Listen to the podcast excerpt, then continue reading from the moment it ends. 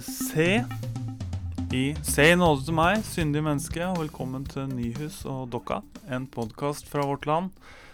Hva, hva er det jeg pleier å spørre deg om igjen, Åste? Hva har du, Ja, har du syndet siden Har du sist? syndet siden sist? Eh, det spør du om. Hvordan går Ja. det egentlig? Hvordan, hvordan er det? Ja. Du, det går egentlig bra. Litt mange ting uh, som skal skje samtidig. Men jeg tenker på det som en sånn uh, en testcase til om jeg er god til å takle stress eller ikke. Ja, Ja. men bra. Og hvis det er noen trøst, så tror jeg ikke det er noe mindre travelt i livet til dagens gjest, som er Erik Lunde, bystyrepolitiker i Oslo, eh, KrF-ideolog, Forfatter. forfatter og teolog. God dag og velkommen hit, Erik. Tusen takk for det. Eh, og nå eh, har jeg forstått det riktig om du òg nå vurderer å bli prest? Det er iallfall en mulighet, så lenge jeg er utdanna teolog og etter hvert må finne meg noe nytt å gjøre, så er jo det absolutt en mulighet. Ja, for du ble liksom ikke Du ble ikke minister, du ble ikke statsråd. Du, kunne, du, du gikk ikke den veien. Nei. Eh, for meg var det naturlig å, å kanskje eh, prioritere det å være litt mer hjemme med Ja. familien framover. Eh, etter en veldig hektisk høst, eh, og vi er i ferd med å etablere oss i Kristiansand, så hadde det ikke vært helt optimalt å måtte eh, være borte nesten hele tida. Det høres ut som, eh, det høres ut som du ble spurt. Nei, jeg skal ikke si så mye om det, men, men jeg har jo vært engasjert i det som har skjedd rundt denne regjeringsdannelsen, så, så Men, men akkurat nå så, så passa det best å, å kanskje gjøre andre ting. Ja, du tar oss jo Vi har jo liksom lyst til å spørre hva nå, Erik Lunde? For du var jo, som du er inne på, en del av KrFs forhandlingsdelegasjon på Granavolden. Eh, og har nå vært med å lose KrF inn i regjering, men du blir altså ikke med på laget. Og så vil du ikke si noe mer om det? Det Altså, nå sitter jeg jo i sentralstyret til KrF og, eh, og er jo fortsatt eh, aktiv i Oslo bystyre, så på et eller annet vis er jeg jo med på laget fremdeles. Eh, eh, og det er jo flere måter å være med på laget på. Eh, så, eh, så Så får vi se framover hvordan det blir, og på hvilken måte det kan være. Kan du si litt mer om det å ha vært på Granavolden og vært del av disse forhandlingene? Du, du har jo erfaring med å forhandle med høyresida fra Oslo-politikken, vet jeg. Var det, var det en fordel, f.eks., for, eksempel, for å begynne et sted? Ja, jeg tror kanskje det var en fordel. Eh, forhandlingene på Granavolden var veldig sånn som forventa, syns jeg. Eh, med de eh, forskjellene det er mellom de fire partiene eh, på ulike områder. Eh, og det var ganske mye som var gjenkjennelig fra det jeg har vært med på å forhandle om i Oslo bystyre. Eh, der tross alt jeg har vært med å forhandle med Carl I. Hagen i en eh, eh, lang rekke sammenhenger, og han er jo en en krevende mann å forhandle med. Og det var en nyttig erfaring, også når man satt og forhandla om en regjeringsplattform. Ja, prøver du nå å si at, at Siv Jensen er den inkarnerte Carl I. Hagen? Er det Siv Jensen og Carl I. Hagen er to veldig forskjellige typer politikere.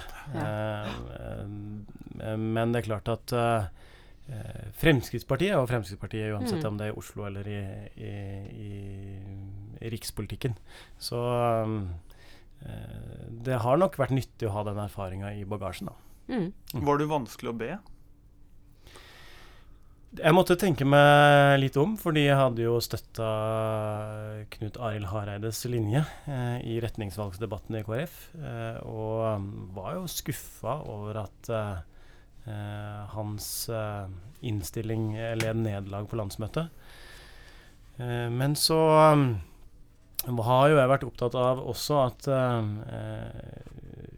når vi først har tatt dette i retningsvalget, så er det ikke bare én side i KrF som skal forhandle med regjeringspartiene. Eh, Det er ikke bare én side i KrF som skal gå videre. Eh, Så også etter å ha rådført meg litt med de som var enige med meg i, denne veivalgsdebatten, ikke minst Knut Ari- Arild sjøl, så, så tenkte jeg at det var en bra måte å bidra på å gå inn i forhandlingsdelegasjonen. Mm. Jeg syns egentlig det passer godt nå å, å å gå til vår, en av våre faste spalter, som er Ordet fanger. Eh, det er jo spalten hvor jeg, jeg har funnet et bibelvers som jeg mener passer litt til tematikken som vi snakker Ja, om. jeg har en mistanke om hvilket eh, Ja. bibelord du har tenkt å forsyne oss med. Hvor skal vi reise hen? Vi skal til Matteus. Og eh, der har em, der har eh, Bibelselskapet gitt, eh, gitt eh, avsnittet overskriften 'Å følge etter Jesus', men det var nok ikke det Jesus kalte talen sin. Eh, kan jeg tenke meg. Det er litt sånn anakronistisk. Men uansett. Jesus snakker da. Om noen vil følge etter meg, må han fornekte seg selv og ta, ta opp sitt kors og følge meg. For den som vil berge sitt liv, skal miste det. Men den som mister sitt liv for min skyld, han skal finne det. Hva vil det gagne et menneske om det vinner hele verden, men taper sin sjel? Har du hørt det før i, i sammenheng med både KrF og regjeringsforhandlingene, Erik? Ja, eh, mange har jo sagt at eh, denne veivalgsdebatten i KrF handler om partiets sjel. Eh, men eh, jeg har jo også hørt det mer på sånn personlig plan. At eh, kan man virkelig stå inne for å eh, både samtale med og samarbeide med et parti eller partier som man står veldig langt fra politisk. Eh, Så dette er jo et uh, bibelvers som i om det ikke leses uh, direkte, så iallfall uh, refereres til. Uh, både direkte og indirekte i denne veivalgsdebatten. Da kunne man tenke seg at dere Altså, la oss nå bare si at KrF hadde valgt å gå for Hareides linje i, eh, i, da det sto på. Um, la oss nå bare si at på en eller annen måte så hadde det endt opp med å sitte på Granavolden sammen med Arbeiderpartiet, SV, Senterpartiet og Rødt. Hadde det, hadde, altså jeg tenker sånn, er, det, er det Frp som er problemet her, eller er det det at det finnes et stort strekk i norsk politikk eh, som KrF eh, uansett vil ha problemer med å strekke seg til ytterkanten av? Det kan godt hende. Jeg tror eh, man ville hatt sjelekvaler uansett hvem man hadde vært i forhandlinger med. Det var litt artig, for akkurat det rommet på Granavolden som vi drev og forhandla i Var det Gregerstua? Det var ikke Gregerstua. Der, eh, der var vi på kvelden. Ja. Eh, Men, eh, men i det rommet hvor vi hadde hovedforhandlingene, der hadde jeg vært en gang før, og det Mm. var med praktikum. Eh, for å ha sjelesorgstimer. Mhm. Eh, det kunne jo kanskje ha kommet godt med eh, i, i forhandlingene, men jeg tror, jeg tror altså denne, det, Uansett hva KrF hadde valgt, så hadde noen i partiet ment at det eh, bryter med partiets sjel. Eh, det viste jo også hele landsmøtedebatten. Eh, men det er også et lite paradoks, fordi norsk politikk, selv om det er strekk i laget, som du sier, og selv om det er forskjeller, så er det jo egentlig ganske konsensusprega. Eh, og de politiske forskjellene mellom partiene på Stortinget i Norge er relativt små sammenligner du med andre land. Mm. Så derfor er det kanskje litt rart at et sentrumsparti eh, som KrF eh, skal ha så store problemer med å samarbeide egentlig både til høyre og, og til venstre i politikken. Eh, eh, man kan kanskje si at hvis man hadde fulgt tradisjonen fra andre land, der kristendemokratiske partier er kjent for å eh, være ganske pragmatiske i samarbeidsspørsmålet, så kunne man kanskje sett for seg at eh, samarbeidsdebatten i KrF også hadde vært ganske annerledes. At det var mer et pragmatisk spørsmål hvor får vi mest gjennomslag. Men i debatten i KrF så blei det jo nærmest et sånn identitetsspørsmål for mange. At vi kan ikke samarbeide med Arbeiderpartiet fordi det vil bryte med partiets sjel. Eller vi kan ikke samarbeide med Frp for det bryter bryte med partiets sjel. Men hvordan skulle man Altså, jeg tenker at jeg, jeg ser ikke helt motargumentene mot en pragmatisk tilnærming, da. Eh, er det ikke det politikk handler om? Å få innflytelse? Jo, men eh, av en eller annen grunn så har dette ikke blitt et pragmatisk spørsmål, men et veldig dypt prinsipielt spørsmål for mange. Ja, er det Den- sånn bare i KrF, eller alle norske partier? Ja eh, et, Det er kanskje sånn i flere partier. Eh, men Senterpartiet f.eks. har gjort en mer pragmatisk vurdering av samarbeids, eh, i samarbeidsdiskusjonen. Eh, og, mens KrF har aldri klart det. Og det kan jo ha å gjøre med at KrF over lang tid har vært et parti som har henvendt seg til en velgergruppe som der strekk i laget er ganske stort. Og man kanskje ikke har klart å skape en eh, felles identitet eh, rundt hva som faktisk menes med helt grunnleggende kristne verdier i politikken, eller hva som menes med kristendemokratisk ideologi. Og dermed har mye av den eh, har folk i stor grad definert seg selv i KrF ut fra hvem man ønsker å samarbeide med. Og eh, KrF defineres også veldig sterkt ut fra hvilken side man velger å samarbeide mot. Da. Eh, hvis man hadde vært tryggere på egen identitet, eh, så tror jeg kanskje eh, man også hadde vært tryggere i å gjøre et mer pragmatisk valg av samarbeidspartnere. Men du identifiserer deg selv mer som en pragmatiker og en som er mer, eh, mer Du har mer, en mer smidig tilnærming til eh, politiske spørsmål? Ja, altså ofte Ja. Eh, ofte er jo diskusjon Hvis du leser på Twitter f.eks., så er diskusjonen at det, det, er ofte mye klaging over at det er for mye prinsipprytteri i politikken. Eh, på den ene sida så er det mange som eh, eh, klager over at det er for mye, mye pragmatisme. Uh, og jeg mener egentlig at norsk politikk mangler litt, for mye, litt mye av begge deler. Uh, og at det er veldig mye populisme og opportunisme i norsk politikk og politisk debatt.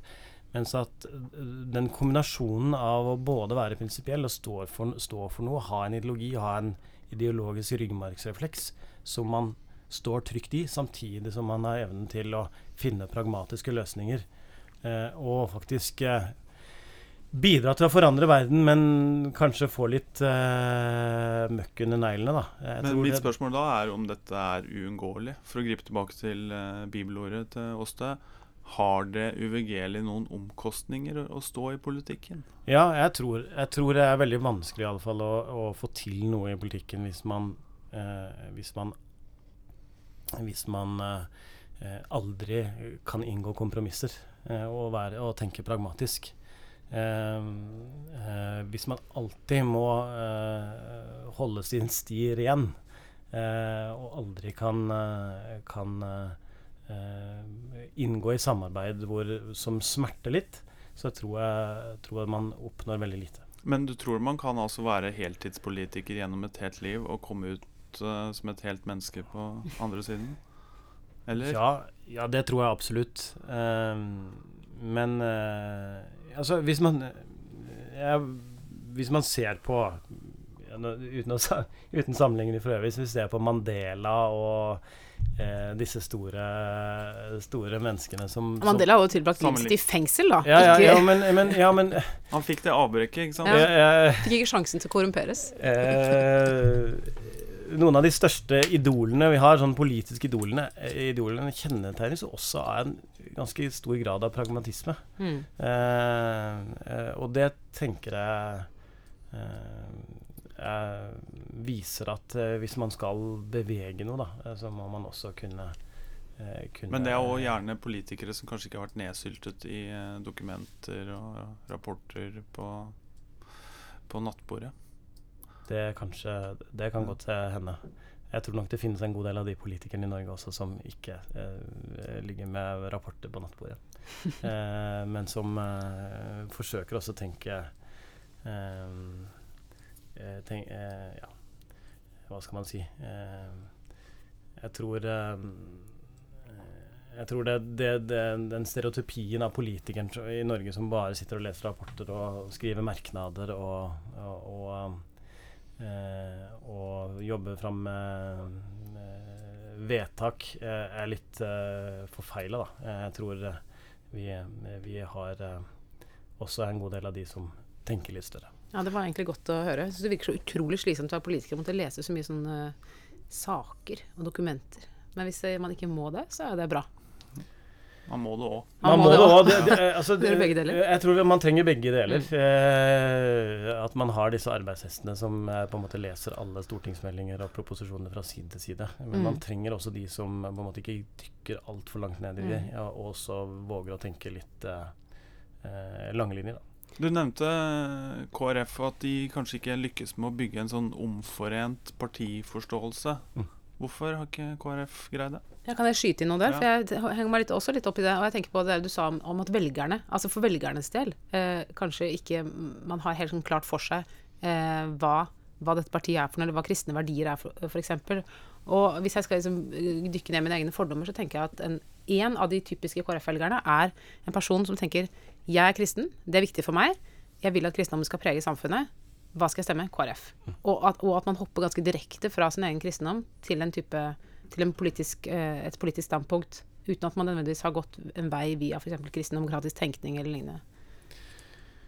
Jeg tror du har rett i det. Eh, altså KrF eh, Man må jo bare innrømme det at eh, KrFs hovedmålgruppe gjennom eh, alle årene det har, partiet har eksistert, har jo vært kristne. Det var jo et mål da partiet ble etablert i 1933 å få kristne politikere på tinget. Mm. men det er klart at Og veldig lenge gikk det ganske bra. Fordi eh, Det var ja, mange som var kristne. Ja, det var mange som var kristne, og kristne var ganske enige, eller stort sett ganske enige. Eh, altså Majoriteten av kristenfolket var enige om hva som lå i begrepet kristne verdier i politikken. Mm. Eh, men eh, også KrF merker jo veldig godt at eh, Kristen-Norge er i ferd med å bli mye mer fragmentert. Uh, og at uh, kristne også legger veldig forskjellige ting i hva det vil si å uh, representere kristne verdier i politikken. Mm. Og, det har gjort at KrF veldig lenge har stått i en spagat, hvor man både forsøker å Man har liksom både forsøkt å, å, å hanke inn changemakeren og den litt eldre eh, dama som går på eh, Oslo Symposium. Mm. Eh, og det er ikke så veldig lett i lengden å stå i den spagaten. spagaten. Eh, fordi man kan ikke både eh, eh, være eh, ekstremt israelsvennlig i det ene øyeblikket, og det neste øyeblikket skulle appellere til eh, til, eh, til Changemakeren. Changemakeren, eksempel. Mm. Og Changemaker er da Kirkens Nødhjelps ungdomsorganisasjon, for dem som eventuelt Ja. ikke måtte vite det. Mm. Mye rastafletter og MDG-sympati der, tror jeg. Det tror jeg vi må, eh, må kunne si. Ja. Jeg husker jo veldig godt uh, du, Åste. Ja. Det var en ting du sa en gang for lenge siden som Mm. gjorde veldig sterkt inntrykk på meg. OK, nå er jeg spent. Eh, fordi du, eh, du sa til Klassekampen eller noe sånt at, eh, at du var enig i alle KrFs verdier. Derfor stemmer jeg SV. Ja. ja, godt sagt. Og det kjennes som et stikk i hjertet. Mm. Eh, da lederen for eh, Norges Kristelige Studentforbund uttalte Mm. det. Mm. Eh, men det forteller vel kanskje noe da, av- av det som har vært litt KrFs utfordring. Eh, at man, eh, man eh, ønsker å bygge et samfunn med kristne verdier. Eh, Ja, men kristendemokratiske og egentlig kristendemokratiske verdier, da, vil Mm. jeg si. Men, Mm. men uh, og, og, så, legger folk veldig ulike ting i hva det betyr. Ja, og Altså, tenker, det her var jo på Bondeviks tid, hvor, hvor eh, hans store slager var eh, et varmere samfunn. Et varmere samfunn. Ja. Uh, og det er, det er vel ingen som vil ha et kaldere samfunn. Alle ønsker seg jo mer varme. Altså, det kan man jo, bortsett fra kanskje helt konkret, da, men i overført forstand vil vel alle ha det. Men, men utfordringen er jo ja, hvordan, hvordan gjør man det om til politikk? Altså, hvordan Skal man nedsette en verdikommisjon, eller skal man gjøre noe med økonomien og hvordan det fungerer, ikke sant, og fordeling osv. Så, videre. så det er jo helt ulike måter å, å materialisere det på i samfunnet, og det er kanskje der noe av problemet ligger. Eh, I det spennet som du snakker om. Ja. Ja, og så eh, Men samtidig er det jo ikke sånn altså, hvis, hvis du går til noen klassisk mm, katolsk og protestantisk eh, sosialetikk, eh, så er det jo ganske opplest og vedtatt hva kristne verdier betyr i politikken. Ja, gi oss en liten remse. Ja, nei, det handler jo om eh, et kristent menneskesyn og et ukrenkelig menneskeverd. Det handler om nestekjærlighet og solidaritet. Det handler om forvalterskap. Det handler om at det er det felles beste som er hele begrunnelsen for politikken og statsdannelsen. Eh, alle disse tingene som først eh, eh, katolikkene utforma Mm. i sin sosiallære, men etter krigen eh, også en del, mange protestantiske eh, teologer utarbeida som sosialetikk. Så det er jo ganske mainstream eh, sånn kristen samfunnstenkning. Men det som er litt av utfordringen nå, er jo at For det, dette er jo den klassiske europeiske tradisjonen. eh, er jo at eh, den tradisjonen utfordres veldig sterkt av eh, eh, impulser fra USA, Mm. som, hvor eh, sammenhengen mellom kristendom og politikk er en helt annen. Ja. Eh, hvor det legges mye ster sterkere vekt på individualisme, på frihet, eh, på markedsøkonomi, på en begrensa stat. Eh, og det preger jo også eh, debatten i KrF, og det preger også i veldig stor grad Kristen-Norge.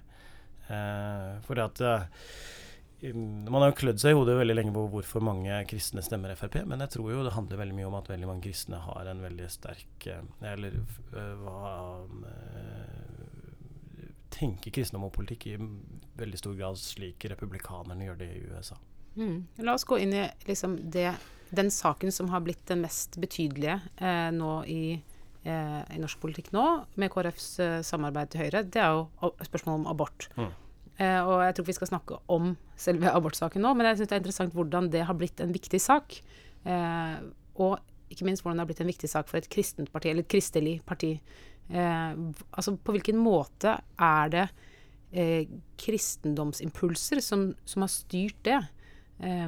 hvordan, hvordan sitter man eh, som politiker og henter inn ja, Det er ikke akkurat sånn det foregår, selvfølgelig, men la oss si at man sitter som politiker og, skal på en måte, og, og henter inn impulser som skal påvirke politikken. Og i dette tilfellet da et kristelig-demokratisk parti som henter inn kristne impulser som påvirker politikken. Hvorfor er det abortsaken som blir viktig? Eh, hva, hvorfor tror du det er liksom en, en, så stor sak for så mange som stemmer KrF? Eller er det det? Ja, jeg tror jo menneskeverdsspørsmål er viktige for folk som stemmer KrF. Og det tror jeg jo er, er helt overbevist om handler om at man eh, eh, Om at man, eh, man, legger et kristent menneskesyn til grunn for, eh, for den politiske tenkningen. Eh, som, eh, hvor det helt grunnleggende er at alle mennesker har en iboende og ukrenkelig verdi, og, og, at alle mennesker har lik verdi. Eh, og eh, da er det ikke så rart eh, at man særlig er opptatt av eh, alle disse eh, problemstillingene som er rundt sortering, sorteringssamfunn, om det skal være rom for annerledeshet, rom for mangfold. Eh, og Derfor blir den saken også viktig. da. Men er det fare for at det blir en, en type symbolsak? For jeg, jeg, merker meg at uh, spørsmålet om, om pleiepengeordninga ikke har vært like høyt oppe f.eks. som spørsmålet om abort. Altså hvordan, om hvordan familier da, skal kunne ta vare på uh, barn som ikke uh, har de samme forutsetningene som andre, som, som trenger mer pleie. Og at den, at den pleie, altså, fornyelsen av pleiepengeordninga som Høyre har stått for, som har blitt sterkt kritisert fra venstresida, fordi den de facto gir mange familier mye mindre penger til å ta vare på sine syke barn, mm. ikke har vært en like stor sak for KrF Eh, i hvert fall i forkant av regjeringsforhandlingene, som abortsaken. Det har jo å gjøre med at KrF løste denne saken i Stortinget før regjeringsforhandlingene tok hvordan, til. Hvordan løste, hvordan løste de den? Nei, man, eh, man, gikk jo sammen med eh, opposisjonen for å endre hele ordningen. og man, man fatta et vedtak like før jul om å, om, å, endre pleiepengeordningen slik at disse foreldrene og familiene får den type hjelp. Eh, og så var det et lite spørsmål som gjensto når det gjaldt uh, muligheten for å gradere uh, uttaket. Mm. Det ble løst i Granavolden-erklæringen. Ja, så jeg oppfatter at ja. det akkurat det, det premisset er ikke helt enig i. Ja, men det er et mediespørsmål, da, mer enn det er et ja, politisk spørsmål? Uh, for, det, det, viktigste tiltaket for å skape et samfunn med plass til alle i Granavolden-erklæringen er jo det som kalles likeverdsreformen, mm. som nå er lagt inn, hvor man skal eh, sørge for at alle familier får en eh, koordinator med tid og kompetanse til å følge opp eh, eh de i hverdagen. Eh, hjelpe de med alle mulige slags sånn, eh, praktiske spørsmål.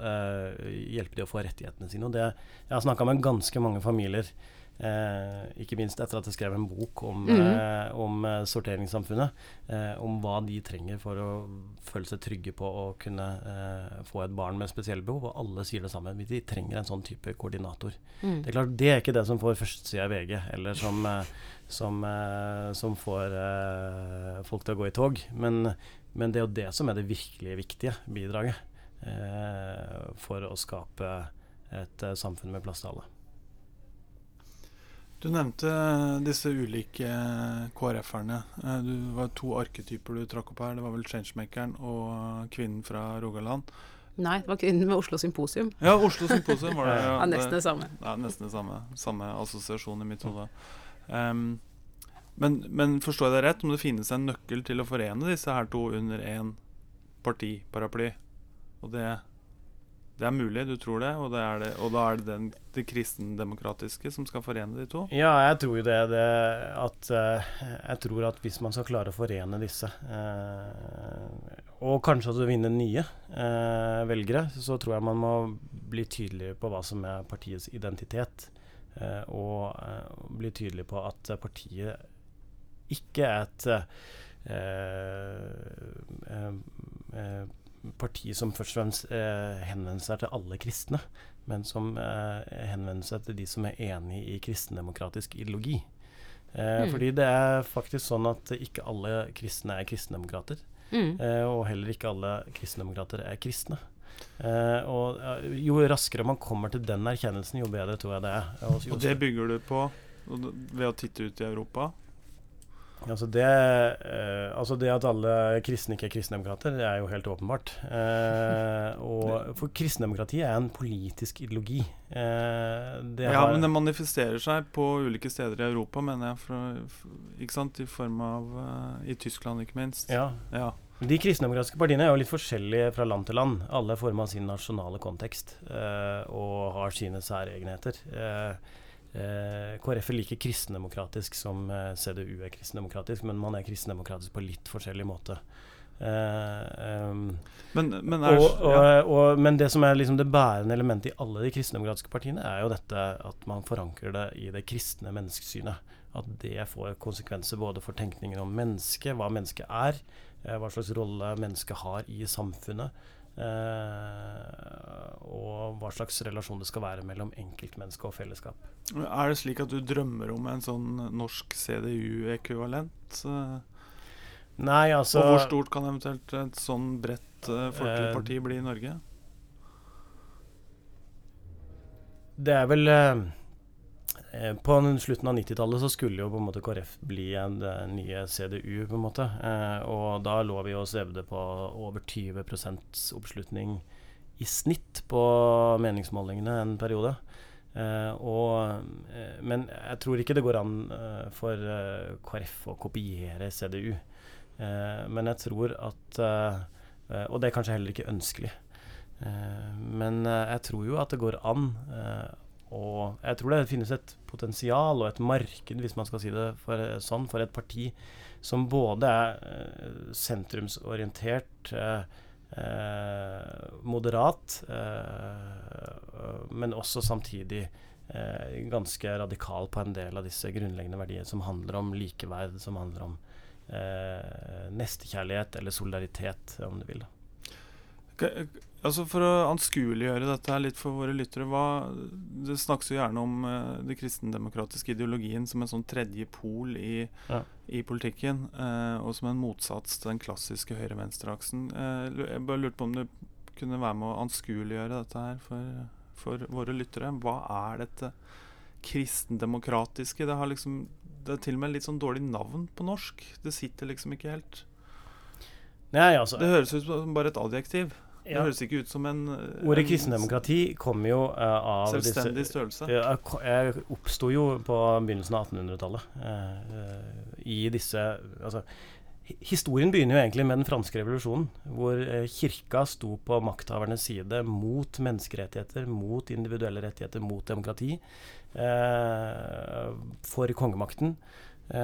og kirken i de, over stort sett hele Europa sto på makthavernes side. Eh, Eh, og så var, begynte det noen eh, smått om seg noen folkelige lekmannsbevegelser, kristne lekmannsbevegelser, som stilte spørsmålstegn ved, ved, ved, dette. Hvorfor er det sånn at kristne verdier skal brukes til å bevare det bestående, eh, hindre menneskerettigheter, hindre demokrati?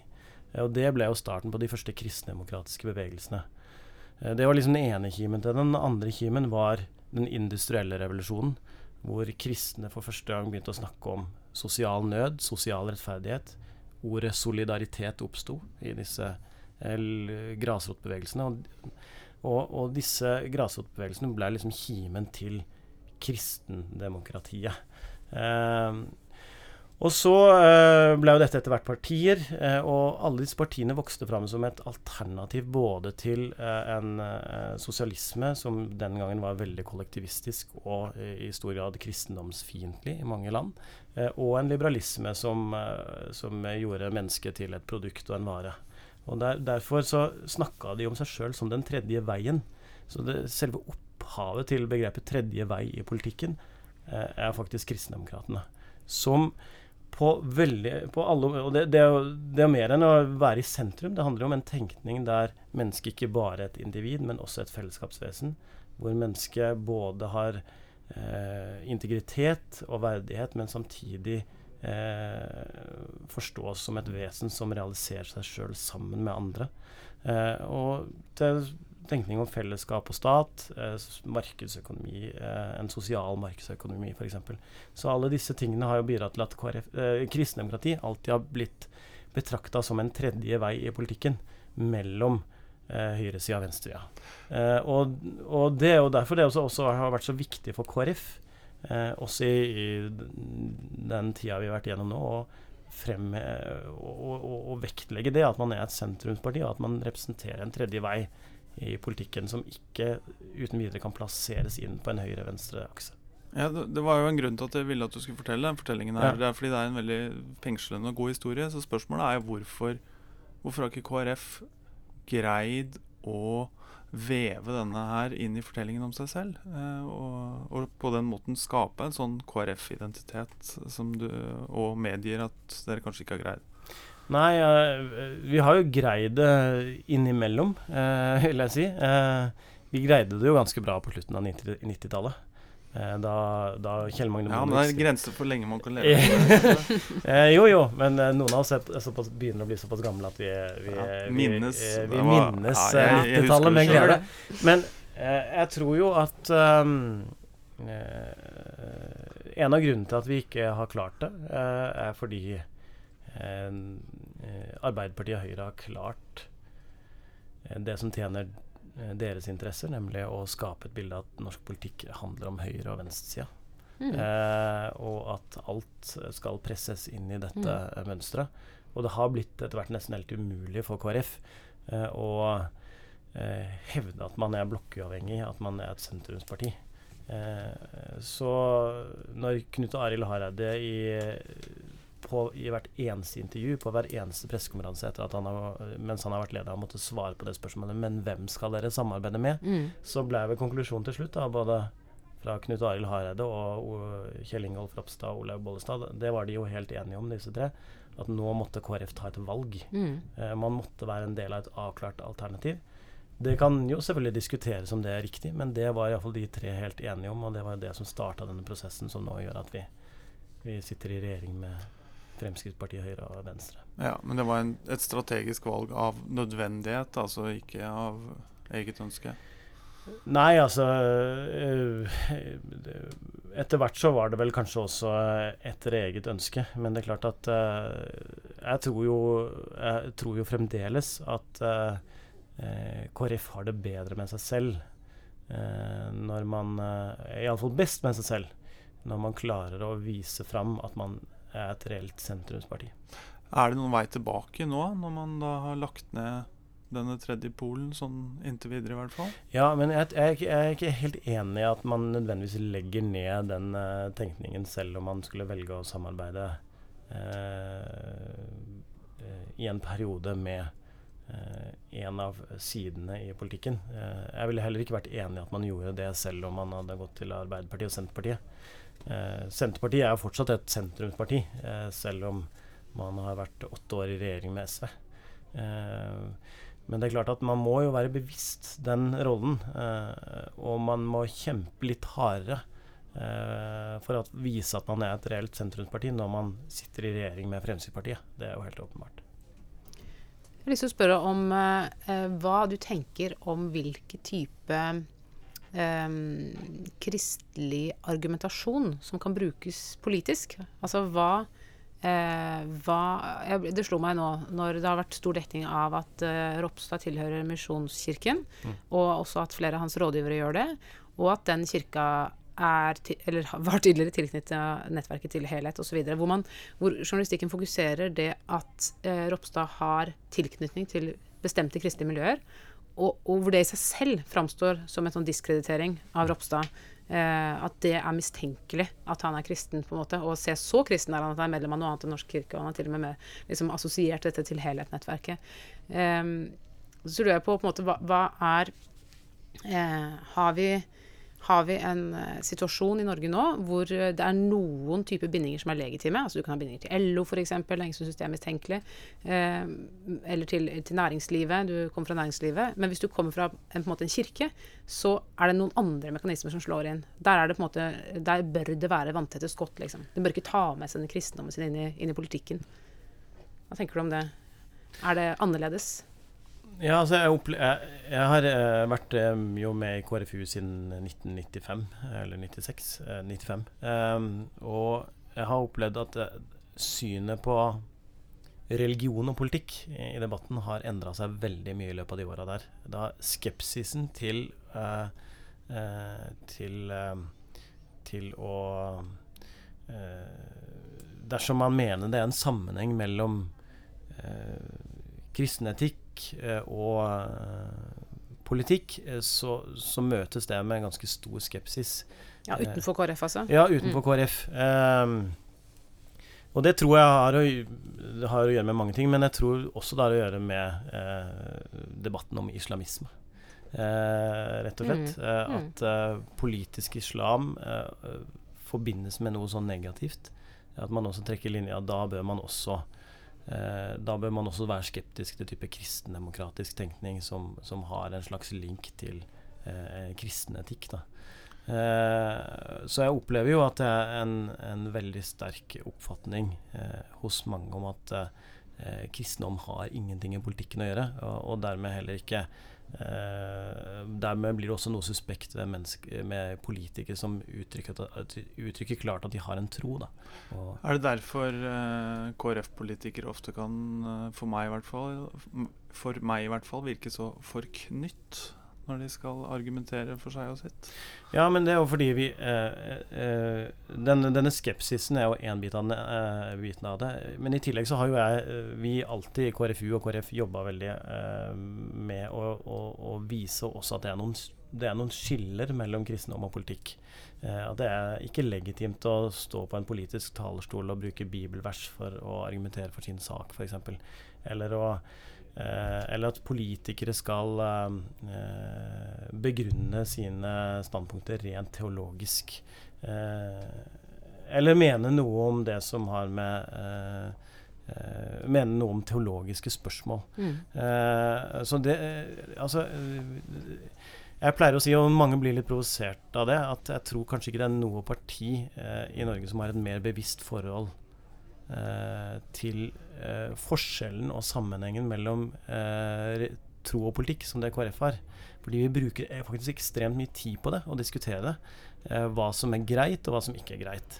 Eh, og så hender det ofte at noen går i baret, men, eh, men, men vi, har, vi, er ganske bevisst på, på at tro, troens rom er et rom, og politikkens rom er et annet rom. Og det må vi prøve å, å skjelne mellom. Men er det egentlig noen forskjell på å stå på talerstolen og si før du var til i mors liv, kjente jeg deg, eh, med referanse til Det gamle testamentet, enn å gå på talerstolen og si jeg tror mennesket har en, eh, en, eh, en, Gud, en, en verdi som er der uavhengig av uh, hva vi andre mennesker syns om det mennesket. Altså, de, de, de, den kristne etiske eh, som KrF jo også bruker, kommer jo fra et sted. Eh, er, det, er, det, farlig å synliggjøre det på en måte fra en talerstol? Jeg vet ikke om det er farlig, men jeg mener at hvis politikk skal være legitim for alle, og hvis, hvis, uh, hvis uh, hele statsmakten og lovenes legitimitet er at uh, det skal sikre det felles beste, så må også begrunnelsen for politikken og lovene være allmennetiske. Ja, ok, ja, men da må jeg spørre, er ikke det er, Hvis du insisterer på at menneskeverdet er 100% fra unnfangelsen av, det er vel bare en besvergelse hvis det løsrives fra det, fra Gamletestamentet i dette tilfellet. Altså de fortellingene som, og de mytologiene som, som, gir næring til det standpunktet. jeg mener jo absolutt at det går an å eh, argumentere for et absolutt menneskeverd eh, eh, også på et allmennetisk grunnlag. Fra selve unnfangelsesøyeblikket av?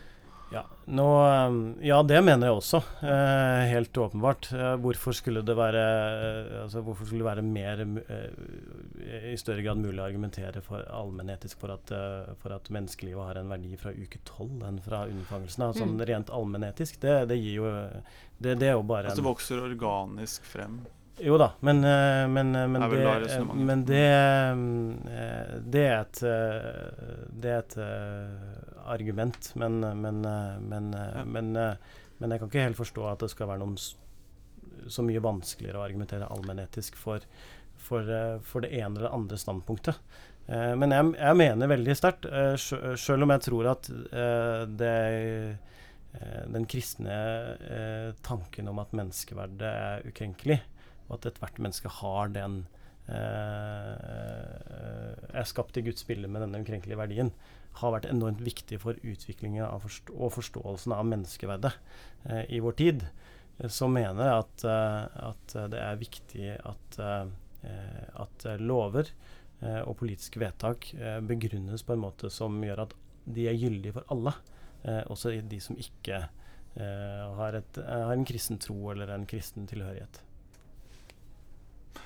Ja. Vi er kommet frem til Bordet fanger på spalte. Vet, har du, uh, vet ikke om du er kjent med denne spalten? Ja, om du har forberedt noe? Jeg har hørt rykter om den. Jeg har hørt rykter om den. Ja, så vi lurer på Se for deg et middagsselskap og lanser et tema som vil uh, vekke en blanding av begeistring og entusiasme rundt bordet. Og så kan debatteres heftig. eller, eller koselig. Eller koselig. Det trenger ikke ja. å være så heftig og sint hele tiden. Ja. Altså jeg pleier jo aldri å sette i gang sånne debatter eh, bevisst under eh, middagsselskaper. Eh, eh, stort sett så kommer de av seg selv når jeg er til stede. Mm. Du er liksom Du er det i seg selv. Jeg prøver å lage god stemning og fortelle ja. historier og sånt når, når, jeg har Når jeg er på besøk hos folk. så har du en god historie? Du har jo sikkert masse gode historier fra Granavolden og sånn òg. ja, det, det har jeg sikkert. Eh, eh, mitt, mitt, triks er å fortelle, alltid å fortelle historien om da jeg og Bård Hoksrud delte dobbeltseng i Timbuktu. Det, oi, pleier, oi, oi. Å, det pleier å slå an, men eh, jeg, skal ikke, jeg, skal ikke, dra den her. Eh, men jeg tenker jo at altså eh, Jeg vet ikke om det som Eh, liksom eh, Som eh, Jeg tenker at jeg ville snakka om hvis jeg skulle vært i, i, i, i middagsselskap nå, er litt den debatten vi har hatt de siste ukene. Mm. Om hvordan, eh, hvordan vi er i ferd med å på en måte eh, konstruere eh, bilder av hverandre og polarisere debatten såpass mye at det nesten er helt umulig å føre en Eh, en, eh, en, rolig samtale om eh, store og vanskelige spørsmål. Mm. For jeg må si at jeg ble, har blitt veldig overraska over, over den debatten som har kommet. Mm. F.eks. i diskusjonen om fosterreduksjon, som jo det har vært uenighet om i alle partier. og som egentlig de fleste er enige om at det er jo et litt vanskelig etisk spørsmål. Eh, og man har ulik praksis i ulike land, og så blir det gjort en justering i dette, og så er det, er det den type reaksjoner. Og det mm. gjør meg litt deprimert. Jeg sier ikke at KrF er uskyldig i at det har blitt sånn. Det tror jeg vi skal også være med å ta et ansvar for. Men jeg syns likevel det er litt trist at vi har fått en sånn type debatt. Jeg så du uttrykte skuffelse over eh, den nye Jonas Gahr Støre og savnet den gamle, ja, si sindige Støre-varianten. Det må jeg si er noe av det som har skuffa meg aller mest. Eh, fordi mm. jeg har uh, brukt mye tid i løpet av det siste halve året på å argumentere for hvorfor KrF burde mm. søke et samarbeid med Jonas Gahr mm. Støre og gjøre han til statsminister først. Eh, og, um, og, det er jo litt fordi jeg har opplevd han som en, en politiker som, er, som, som har eh, markedsført seg sjøl også litt som en, en, tenker. En som er villig til å se ulike sider av en sak, eh, og som har forståelse for ulike syn.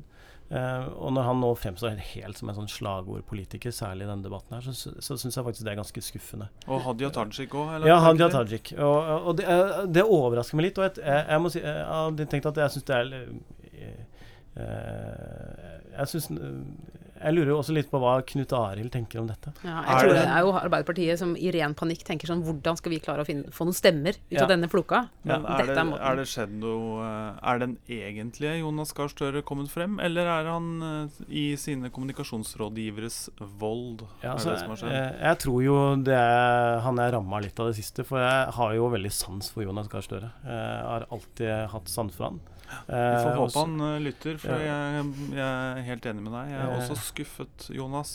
Jeg er skuffet over deg. Så, så Kanskje det å uttrykke skuffelse over Jonas i middagsselskap det er, ja. Ja, I visse sammenhenger vil mm. vel kanskje det satt i gang en viss debatt. For ja. da jeg skrev dette på Twitter, så har jeg fått Jeg fikk jo en del svar på tiltale. Først ble han liksom lurt inn i en flanellskjorte av disse kommunikasjonsfolka, og så ble han lurt inn i en sånn Handmaid's Tale-kostyme. Så det er jo det er, Ja.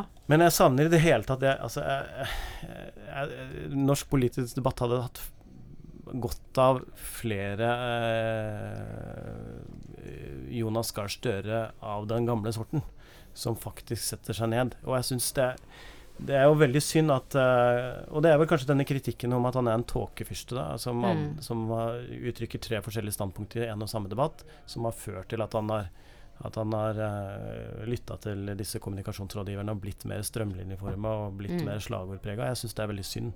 Uh, jeg tror også i det lange løp så ville han ha stått seg på å være seg sjøl.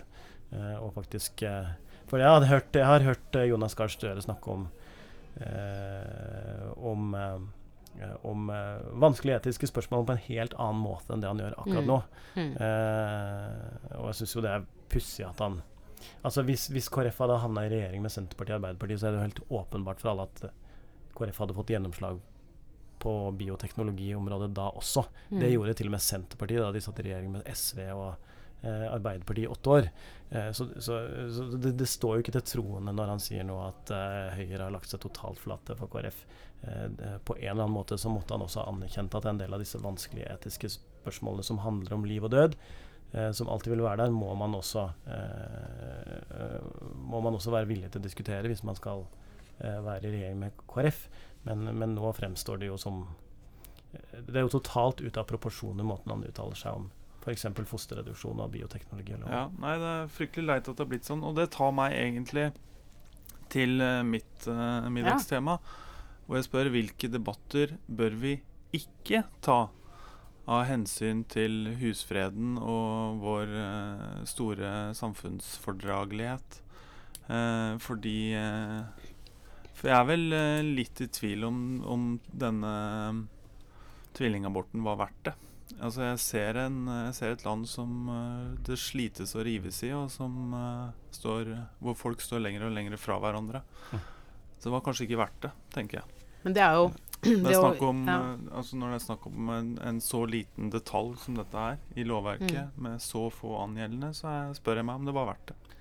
Ja, og jeg stiller meg også spørsmålet om hva har denne runden gjort med muligheten for å diskutere Eh, F.eks. Eh, utfordringer knytta til, til eh, ny teknologi og, og, etikk rundt bruken av medisinsk teknologi eh, framover.